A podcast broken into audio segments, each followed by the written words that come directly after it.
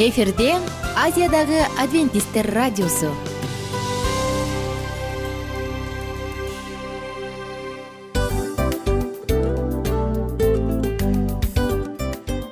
Достор салют. Баардык сүйүктүү угармандарыбызга салам айтабыз. Кутман күнүңүздөр менен. Ден соолук өмүрдүн булагы демекчи саламат саамы программасында баарыңыздарды көргөнүбүзгө абдан кубанычтабыз. Анда алгач амандашып өтөлү арбаңыздар деп. Ден соолугуңуздар кандай элибизде көбүнчө ден соолук кандай дегенде эле жакшы деп жооп беребиз э ооруп турсак дагы жакшы дейбиз. Анан мен муну айтып ойлойт элем бул абдан сонун сөз депчи анткени бул жакшы деген үмүт да э ооба баары жакшы болот. Баары сонун. Деп үмүттөнүп атып эле өзүбүздү өзүбүз дарылап коебуз. Анысы кандай сиздин дагы ден соолугуңуз жакшы беш деген үмүттөбүз чындыгында ден соолук бул өмүрдүн булагы деп бекеринен айтылган эмес деп ойлойм. Кыргыз элинде анткени эгерде ден соолук жок болсо анда адамдын жашоосунда калган баардык керектүү маңыздуу нерселер өзүнүн баалуулугун жоготуп коет. Ошондуктан ден соолук бул эң керектүү нерсе. Ооба туура айтасың кесиптешим. Чынында ден соолугуң жок бир эки үч күн ооруп калсаң эле кандай болуп калат? Жашоодо көз каранды болуп каласың көп нерсеге жетишпей каласың көп нерсени кыла албай каласың жада калса эшикке дүкөнгө да чыга албай каласың. Туптуура анан ден соолук болсо демек биз биздин бактыбыз тоодой деп койсок болот. Анда достор саламат саамы рубрикабызды баштайлы. Алдыда өзүңүзгө керектүү болгон сонун кеңештерди уга аласыздар. Мына ошондуктан биз менен бирге болуңуздар. Ал эми биз болсо милан жана айнура. Кеттик алга. Алга саламат саама ден соолуктун жарчысы. Саламат саама ден соолуктун ачкычы. Күн сайын сиз үчүн мыкты кеңештер сонун жаңылыктар кызыктуу фактылар. Биздин рубрикада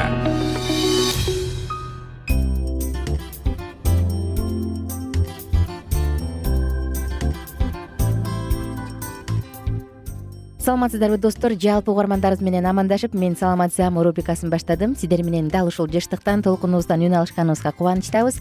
Жана достор бүгүнкү рубрикада дагы бүгүнкү программабызда дагы төрүбүз бош эмес коногубуз бар. Бүгүнкү конок бишкек шаардык мамлекеттик санитардык эпидемиология көзөмөлдөө борборунун тамак аш бөлүмүнүн санитардык врачы иманкулова майрам жетимишовна саламатсызбы? Саламатсыздарбы. Кандай келип алдыңыз? Жакшы келдиңизби? Жакшы келдик. Бир аз микрофонго менен. жакшыраак жакыныраак отуруп алыңыз. Маанайыңыз сонунбу эжеке жакшы. Келе жаткан жаз майрамдарыңыз менен рахмат силерди дагы. анан ийгилик. э, биз бүгүн жогоруда айтып өткөндөй эле тамак аш бөлүмүнөн дедик. Демек тамак аш жөнүндө сөз кылабыз албетте анан угармандарыбызга кайрылат элек. Эгерде суроолоруңуз болсо ушул э, чыккандан кийин бизде аудио түрүндө чыгат алдына суроолорду калтырып кетсеңиз болот сөзсүз түрдө. Тамак аш демекчи биз э, эжекебизден биринчи эле сурайын деп турам. Тамак аш бөлүмүнүн негизги бул э, милдеттери эмнеде? Сиздер эмнени көзөмөлдөйсүздөр? Кандай кылып көзөмөлдөйсүздөр? Жалпы эле милдеттер жөнүндө айта кетсеңиз. Биздин негизги милдет адамдар ууланбаш керек. Ошол да. Адамдар алгандан кийин доброкачественный доброкачественный тамак сатып алгандай болсун да. Мисалы соода тармагынан алса. Андан ары адам жана тамак аш жерлерге барып тамак ичкенде жакшы эс алганы келгенде ошондо жакшы тамак ичип жеп кетип анын ден соолугуна зыян келбесин дейбиз да.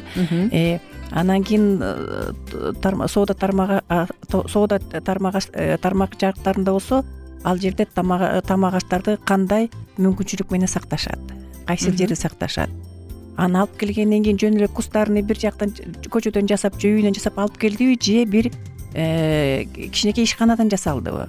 Ошолордун баардыгы каралат да. А тамак аш жайында болсо жана кафе ресторан барларда болсо ал жакта ал иштеп аткан кафелердин ресторандардын мүмкүнчүлүгү барбы? Жакшы адамга зыян келтирбей турган тамак аш жасаганга. Анын жайлары кандай дейбиз да? Дал эле ушул жерден суроо бергим келип турат. Бышыруу жөнүндөчү негизи бышырууда кандай эрежелер сакталышы керек? Кандай учурда тамак бул ден соолукка пайдалуу деп саналат? Ушул жөнүндө айтып берсеңиз бир. Жалпы тамак бышырууда процессинде. Азыр жалпы эл аябай эме грамотный. Аябайчы негизи грамотный да. Көп жерлерге барып жанагы лекция окуп же беседа кылганыбызда байкап эле жүрөбүз да. Элдер кандай экенчи баягы сексенинчи жылдагыдай эмес да. Азыр элдер уже башкача. Анткени информацияга доступ кенен. Ошон үчүн элдер көбүрөөк билет да. Мен ойлойм ушул элдер абдан эле жакшы билсе керек тамак жегенде ден соолугуна биринчи очередте ойлош керек. Бул тамакты мен жеп атканда мага зыяны келеби келбейби. Бир сөз бар тамак менен адамды дарыласа да болот тамак менен адамды өлтүрсө да болот деген сөз бар да? Анан ошону биринчи убакта салып атканда ойлош керек. Мен бул тамакты эптеп эле курсагымда тойгузуп ашказанды тойсун деп эле жөн эле салып берүү эмес. Ар көздөй түрдөпчү ашказанга аны жакшылап жеш керек. Пайдасын билиш керек. ошолсуң деп коет пайдасын пайдасын жеш пайдасын билиш керек да. Биринчи очередте тамак ашты тандап атканда карасын. Бул тамак аштын э, документтери барбы? Бул айтып айтканда зыяны жокпу бул тамак аштынчы ал деген жазылып турат. Экинчиден тамак ашты алып атканда байкасын. Бул э, мөөнөтү өтүп кеткен жокпу. Бул тамак аштынчы андан кийин үйүнө алып баргандан кийин үйүнө холодильник деген бар. Муздаткычтарга салгандай болсун да. Алып барып туруп таштап коюу эмес да тамактычы. Же коюп коюп туруп анан бир суткадан жеп туруп анан уулануу эмес да. Андан кийин тамакты үйүн үйүңө жасайсың эми бул бул жерде сөз эме жөнүндө болуп атпайбы пайдасы э? Демек анда ойлош керек да. Мен муну куурушум керекпи? Же мен муну ушул жөнүндө кененирээк айта кетсеңиз же муну кууруп жешим керекпи? Бул тамакты же бууга бышырышым керекпи же жөн эле сууга кайнатышым керекпи ошону байкаш керек да. Анан бул жерден адам билиш керек ден соолук өзүнүн ден соолугу кандай экенин да. Бул гипертоникпи сахарный диабети барбы жокпу? Толук толук эмеспи ожирениеден ооруйбу оорубайбы? Ошолордун баарын байкап көрүш керек да.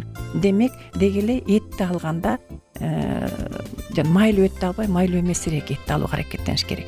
Этти алганда тезирээк сиңе турган этти алууга аракеттениш керек. Тезирээк сиңе турган эттер бул канаттуулардыкы жана уйдук болуп эсептелет. Койдуку оор келет жылкыныкы жеңил эле. Элде эме бар башкача эмеси бар да. Жылкыныкы оор деп жылкыныкы оор жылкыныкы жеңил. Жылкыныкы эмнеге оор дешет? Анткени жылкы деген көп чөп түрлүү чөп жейт да чөптөрдүн тамырларын жешет. Жылкы малы бул деген бир басып кеткен жер тебелип кеткен жерде экинчи келип аны тебеленген чөптү жебейт жылкыны. Жылкычылар жакшы билет мунучу ал таптаза гана чөптү жейт да. Андан кийин тандап жейт. Анан баягы жылкынын эти ооруну козгойт деп да коркуп келишет анан эмнеге козгойт деп атат? Анткени анын жана чөптү айтып атпаймынбы мен бекер айтып кеткен жокмун да баса айтып атпаймынбы. Дары түрлүү чөптөрдү көп жейт депчи. Ар бир чөп өзүнүн жана дарылар деле чөптөн жасалат. Демек ал деген ар бир органга өзүнүн таасирин тийгизет бул чөптөрчү. Баягы жаныбарлар жегенден кийин жаныбар аркылуу алардын жана эти сүт аркылуу бизге келет ошолордун баарычы ошол тамак аштын баардыгычы ошол чөптөрдүн эмелеринин баардыгы заттарынын баарычы вот демек жана жылкы көп жегенден кийин аны анда экстрактивный деп коет да. Экстрактивный заттар көп да. Ошол себептен жанагы эмесин шорпосун ичкенде анан ичи өтүп кеткен ошол себептен болот. ооба. Экстрактивный веществосу көбүрөөк да ооба. А оор деген эле жөнүндө айтышат. Оор деп ал например чочконукундай же э, койлордукундай оор болбойт ал просто экстрактивный эмеси бар да а баягы койдун этинде холестерин көп ошондуктан аны жегенди баягы сунушташпайт деп коет эмеспи буга кандай дейсиз. өзгөчө ооба ооба. Любой эле уйдукунда болот эгерде эмерээк болсо майлуу болсо да аларда холестерин көп. Анткени алардын уйдуку э, койдуку өзгөчө жанагы майы мындай тоң майлары оңой менен эритилбейт да. Э, анан кийин жогорку калорийный болуп эсептелет. Анан ошол себептен анан кийин алар жанагы тез эрип кетпегендиги үчүн э, организмге барган организмге барганда барып туруп холестеринге айланат дагы анан кийин жанагы кан тамырлардын баардыгын ичин толтуруп калат да. Ошол себептен койдуку оорураак дейт да андачы бул жерден эми билип келиш айта кетиш керек да адамдын э, генетикасынчы кайсы адам кайсы эмеге көнгөн еще ооба э, кандай тамакка көнгөнүчү ооба анан кийин тамакты конечно кууруп эмес буулап жеген дурус болот биз достор тамакты кантип негизи туура даярдаш керек? Бул жөнүндө алдыда бир нече мүнөттөрдөн кийин тыныгуудан кийин сөз кылабыз. Ошондуктан бизден алыстабаңыздар бүгүн биздин төрүбүз бош эмес коногубуз бар. Тамак аш бөлүмүнүн санитардык врачы бишкек шаардык мамлекеттик эпидемиология көзөмөлдөө борборунун санитардык врачы эжекебиз иманкулова майрам жетимишевна бизде конокто. Алдыда суроолор бар дагы сонун кызыктуу негизи эле тамак аш адамдын жашоосу менен тыгыз байланыштуу болгондуктан менимче ар бир адамга кызыктуу болот ошондуктан уктурууларды калтырбаңыздар. Саламат саама ден соолуктун жарчысы. Саламат саама ден соолуктун ачкычы. Күн сайын сиз үчүн мыкты кеңештер сонун жаңылыктар кызыктуу фактылар биздин рубрикада. Салют замандаштар баарыңыздарга ысык салам дил маек программабызга кош келиңиздер. Дил маек рубрикасы дегенде эле бул эмне болгон дил маек ким менен маектешебиз деп сурайт болуш керек угармандарыбыз бул рубриканы кыскача тааныштыра кете турган болсок ар тарап кесип ээлеринен болгон сонун интервью кеңештер бар. Ооба. Жылдыздар менен болгон маек бар. Аталарыбыздын агаларыбыздын чоң аталарыбыздан сонун кеңештер бар. Ошондой эле эже сиңдилердин кеңештери бар. Айтор баардык кызыктардын баары алдыда. Негизи эле адам баласы бир кимдир бирөөнө ишенип сырын ачкысы келет эмеспи э мындай баарлашууга жакын келебиз го? Албетте. Негизи бир жерге отуруп алып кенен шашпай баягы жүрөктөн жүрөккө ачып сырларыбызды ар кандай көйгөйлөрүбүз менен бөлүшүп баягы чын жүрөктөн маек курганды кимибиз сүйбөйбүз э? Ооба десең ал нерсеге суусап да келебиз да. Ооба кээ бирде адамга чындыгында баягы э, ысык маек баягы жылуу маек жетишпейт да. Ошондуктан биз ушул рубриканы ойлоп тапканыбызда эң биринчи эле достор сиздер менен чын жүрөктөн бир маңыздуу темаларды козгоп кеткени э, кааладык. Ошондуктан ушундай сонун бир рубриканы тартуулап жатабыз. Анын үстүнө радио дагы сонун дос да анткени э, мындай учурда досуңа айтсаң досуң досуна айтат досу досуна айтат да анан бүт өлкө билип калышы мүмкүн го а радио болсо сени сатпаган сенин айыбыңды ачпаган сенин сырыңды эч кимге айтпаган сонун дос ошондуктан биздин алдыдагы айта турган кеңештерибизди биздин досторубуздун кеңештерин угуп анан ал жака пикириңизди дагы калтырып кайрадан биз менен байланышсаңыздар болот. Деги эле жашооңузга эгерде кичине болсо дагы өзгөрүү алып моралдык жактан нравовалык жактан сонун бир кеңештерди алсаңыз демек биз максатыбызга жеттик. Ооба. Чыңгыз атабыз улуу жазуучу э, чыңгыз айтматов айткандай адам болуу бул күнүмдүк процесс экен. Күн сайын адам бойдон калуу бул адамзатка эң эле кыйын дейт э? э эң кыйын дейт. Чындыгында бунун э, негизинде адамдын эң баягы сапаттуулугу адамдын э, адамгерчилиги жана көптөгөн керектүү нерселер. Мына ошол темалар дагы бизде ушул дил маекте биз аларды да козгойбуз. Ден соолук жөнүндө да сүйлөшөбүз. Сөзсүз түрдө анан милан мырза негизи айтып коюшат го. Биз көбүнчө эмнени ойлонсок ошол нерсеге карата иш кылабыз го. Ооба. Анан анысы кандай? Балким бул радио баракчада кимдир бирөөнүн оюн текшергенге жардам берет кимдир бирөөнүн жүрөгүн текшергенге жардам берет балким кимдир бирөөгө жашоонун маңызын тапканга жардам берет айтор кызыктын баары алдыда бул жөн гана кыскача жарнама анда угармандарыбыздын баардыгын кийинки рубрикабызга чакырабыз. Ал эми кызматта маңдайымда отурган кесиптешим милан жана мен айнура. Анда эмесе биз даярдаган терең терең ойлор менен таанышууга кеттик. Алыс алыс баралык. Анда эмесе достор биз менен бирге болуңуздар алдыда эң кызыктуу маалыматтардын баардыгы бир нече мүнөттөр бою жалгыз гана сизге арналат мына ошондуктан жакшы маанай менен угууну каалайбыз. Үн алышканча. Жөнөдүк. Ар түрдүү ардактуу кесип ээлеринен алтын сөздөр жүрөк ачышкан сыр чачышкан сонун маек. Дил маек рубрикасында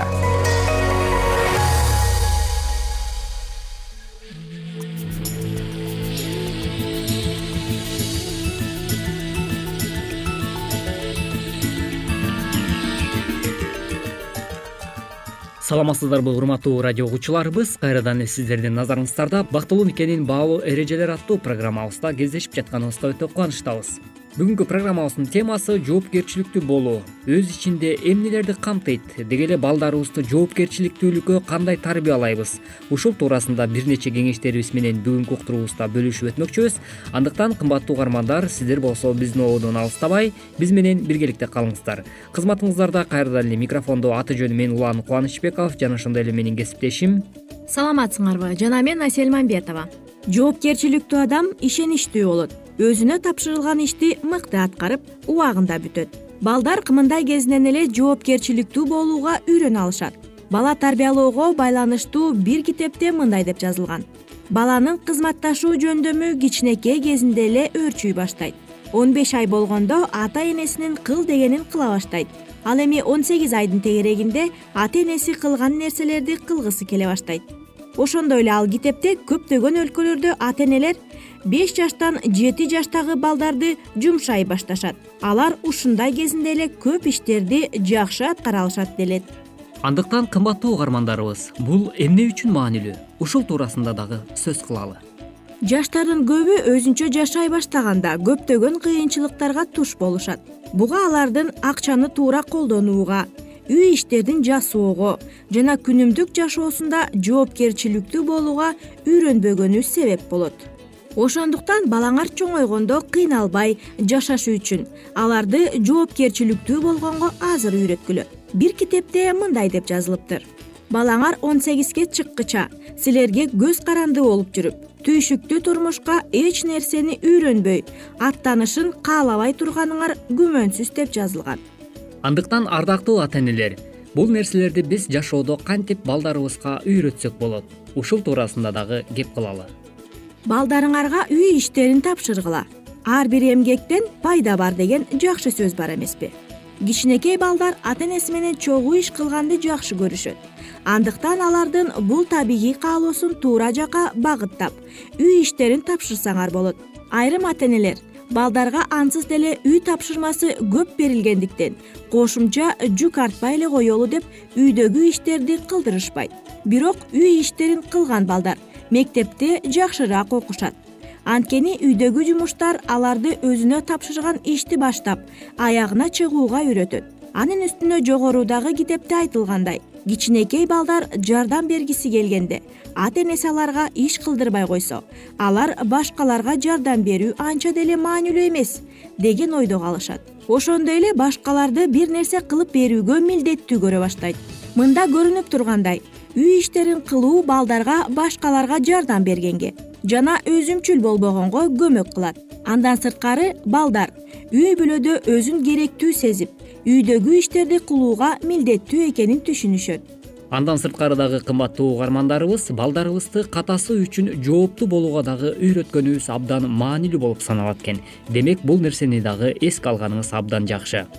Жашоодогу жакшы принциптердин бири болуп келечекте акылман болуш үчүн кеңешке кулак салып акыл насааттарды кабыл алган бул абдан жакшы. Демек кымбаттуу радио каармандарыбыз бүгүнкү айтып жаткан кеңештер сиздердин жашооңуздарга жакшы жыйынтыгын берсин деген тилектебиз. Уулуңар же кызыңар бирөөнүн бир нерсесине зыян келтирип алса аны жашырбай мойнуна алганга үйрөткүлө мындай жагдайда балдар кечирим сурап атүгүл зыяндын ордун толтуруп бере алат. Ката кемчиликтердин мойнуна алуу менен буларга үйрөнөт биринчиден чынчыл болууга. Экинчиден башкаларды айыптоодон качууга. Үчүнчүдөн актануудан качууга. Төртүнчүдөн орундуу болсо кечирим суроого. Жоопкерчиликтүү болууга үйрөнгөн бала. Чоңоюп өз алдынча жашаганда көп кыйналбайт.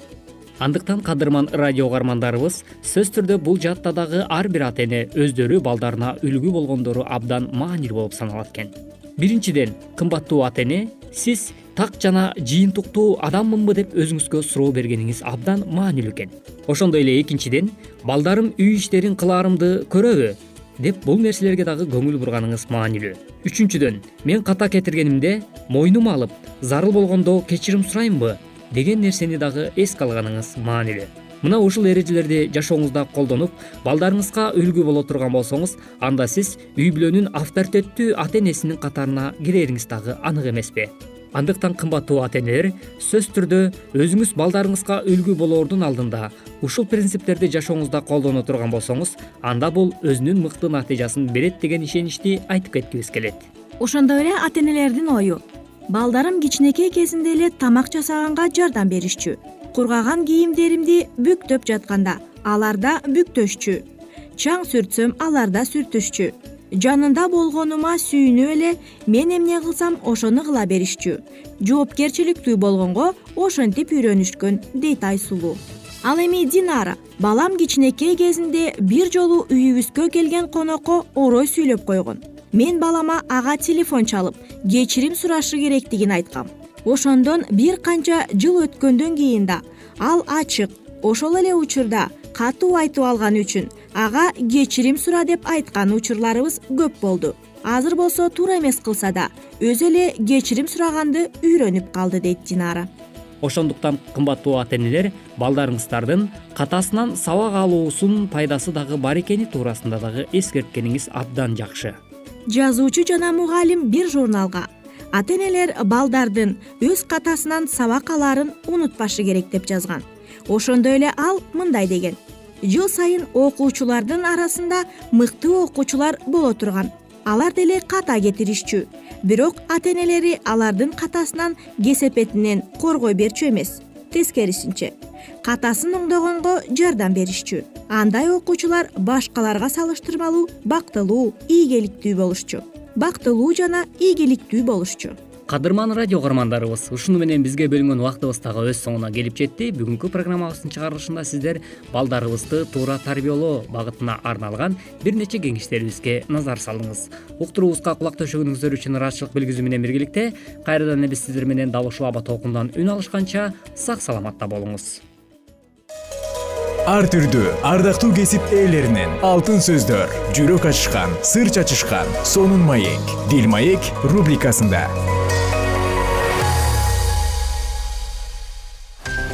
Жан дүйнөңдү байыткан жүрөгүңдү азыктанткан жашооңо маңыз тартуулаган жан азык рубрикасы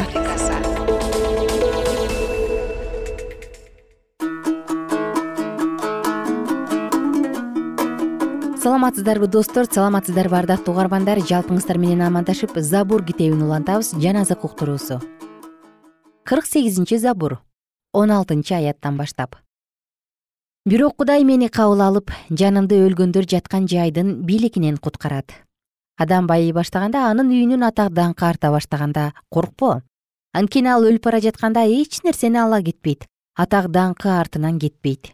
Ал тирүү кезинде өз жанын кадырлап кастарласа да өзүн өзү камсыз кылганы үчүн адамдар аны макташса да ал өзүнүн ата бабаларынын артынан барат. Алар эч убакта жарыкты көрүшпөйт. Атак даңктуу бирок акылсыз адам өлө турган жаныбарларга эле окшош. Кырк тогузунчу забур. Асаптын забуру кудайлардын кудайы. Теңир үн салып күн чыгыштан күн батышка чейин жер жүзүндөгүлөрдүн бардыгын чакырат. Кудай сулуулуктун туу чокусу болгон сион тоосуна келет кудайыбыз келе жатат ал унчукпай келе жаткан жок. Анын алдында баарын жалмаган от тегерегинде катуу бороон ал өз элин соттоо үчүн жогорудан асман менен жерге чакырык салып жатат. Курмандыктын жанында мени менен келишим түзгөн менин ыйыктарымды чогулткула. Асман анын чындыгын жар салып жатат. Анткени бул сот кудай өзү. Элим мени ук мен сүйлөйм. Ысрайыл мен сага каршы күбөгө өтөм. Мен кудаймын сенин кудайыңмын. Мен сени курмандыктарың үчүн жемелебейм. Сенин бүтүндөй өртөлүүчү курмандыктарың дайыма менин алдымда. Сенин үйүңдөн бука чарада албайм сенин корооңдон текеде албайм. Анткени токойдогу жаныбарлардын баары меники тоодогу миңдеген мал да меники. Тоодогу бардык куштарды билем талаадагы жаныбарлар менин алдымда эгерде мен ачка болсом да сага айтмак эмесмин. Анткени бүткүл аалам жана анда жашагандардын баары меники. Мен букачардын этин жемек белем текенин канын ичмек белем. Кудайга мактуу курмандыгын алып кел кудуреттүү кудайга берген убадаларыңды аткар. Башыңа кыйынчылык түшкөн күнү мени чакыр мен сени куткарам. Сен болсо мени даңктайсың. Күнөөкөргө болсо кудай мындай дейт эмне үчүн сен менин мыйзамдарымды жар саласың осуятымды оозуңа аласың? Сен менин мыйзамдарымды жек көрөсүң менин сөздөрүмдү таштап салдың. Ууруну көргөндө ага кошулуп кетесиң ойноштук кылгандарга кошулуп ойноштук кыласың. Оозуңдан жаман сөздөр чыгат. Тилиң болсо жалган сөздөрдү куюлуштуруп сүйлөйт. Отуруп алып бир тууганыңа каршы сүйлөйсүң. Өз энеңдин уулун жамандайсың. Сен ушундай кылдың. Бирок мен унчуккан жокмун өзүң кандай болсоң мени да ошондой ойлодуң. Айыбыңды ачып күнөөңдү өз көзүңө көрсөтөм. Кудайды унуткандар мына ушуну түшүнгүлө. Болбосо мен силерди тытып жок кылгым келсе эч ким куткарбайт. Мага мактуу курмандыгын алып келген адам мага урмат көрсөткөн адам өз жолун байкап жүргөн адамга мен кудайдын куткаруусун көрсөтөм. Элүүнчү забур. Ырчылар тобунун башчысына батшебага жакындагандан кийин ага натан пайгамбар келгендеги дөөттүн забуру кудайым мени өзүңдүн улуу ырайымың боюнча ая. Өзүңдүн улуу кайрымдуулугуң боюнча күнөөлөрүмдү өчүрүп сал. Күнөөлөрүмдү тазаргыча жууп кылмышымдан тазала. Анткени мени күнөөлөрүмдүн мойнуна алам кылмышым өз көз алдымдан кетпейт. Мен сага бир гана сага каршы күнөө кылдым сенин көз алдыңда жаман иш кылдым. Сенин өкүмүң адилет сенин сотуң таза. Мен бойго күткөндөн тартып эле күнөөкөрмүн энемден күнөөкөр болуп төрөлгөм сен жүрөктөгү чындыкты сүйөсүң ички дүйнөмө акыл бердиң. Мага иссоп менен кан чач ошондо таза болом. Мени жуу ошондо кардан ак болом. Мага кубаныч менен шаттыктын үнүн угуз.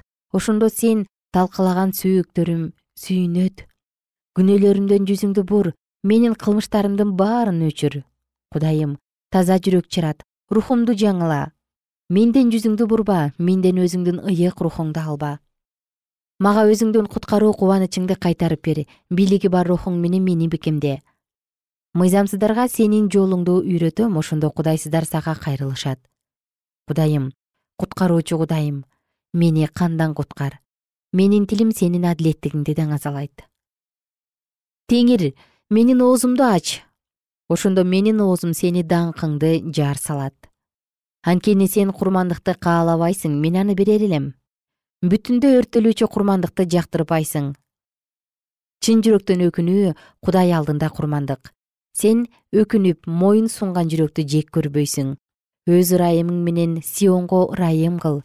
Иерусалим дубалдарын кайра тургуз. Ошондо адилеттиктин курмандыктары тартуулар бүтүндөй өрттөлүүчү курмандыктар сага жагымдуу болот. Ошондо сенин курмандык чалынуучу жайыңды букайчарларды курмандыкка чалышат. Элүү биринчи забур. Ырчылар тобунун башчысына. Эдомдук доек шабуулга келип дөөт акимелектин үйүнө келди деп билдиргенден кийинки дөөттүн үйрөтүүсү зулум адам эмнеге сен кыянат ишиң менен мактанып жатасың? Кудайдын ырайымы дайыма мени менен тилиң өлүмдү тилеп жатат. Жаман ойлуу сенин тилиң куч устарадай. Сен жакшылык кылганга караганда жамандык кылганды жакшы көрөсүң. Чындыкка караганда калп айтканды жакшы көрөсүң. Адамды өлтүрө турган ар кандай сөздөрдү жалган сүйлөгөндү жакшы көрөсүң. Ошон үчүн кудай сени таптакыр кыйратат. Сени өзүңдүн турак жайыңдан тамырыңды тирүүлөр жашаган жерден сууруп алып ыргытат. Адил адамдар кор көрүп коркуп калышат сага күлүп мындай дешет мына бул адам кудайга таянган эмес. Тескерисинче байлыгынын молдугуна таянган кыянаттык иштери менен күч алган. Мен болсо кудайдын үйүндөгү көгөрүп турган зайтун дайрагындаймын. Кудайдын ырайымына ар дайым таянам. Кылган иштериң үчүн мен сени түбөлүккө даңктайм жана сенин ысымыңа таянам. Анткени ыйыктарыңдын алдында сенин ысымың жакшы.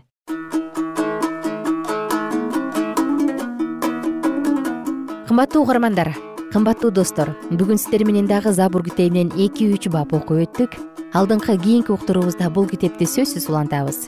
Ал эми жалпы досторубузга кааларыбыз көңүлдүү күн бар болуңуздар бай болуңуздар. Жаратканыбыз сизди дайыма ырайымдуу колдору менен сактасын. Бар болуңуз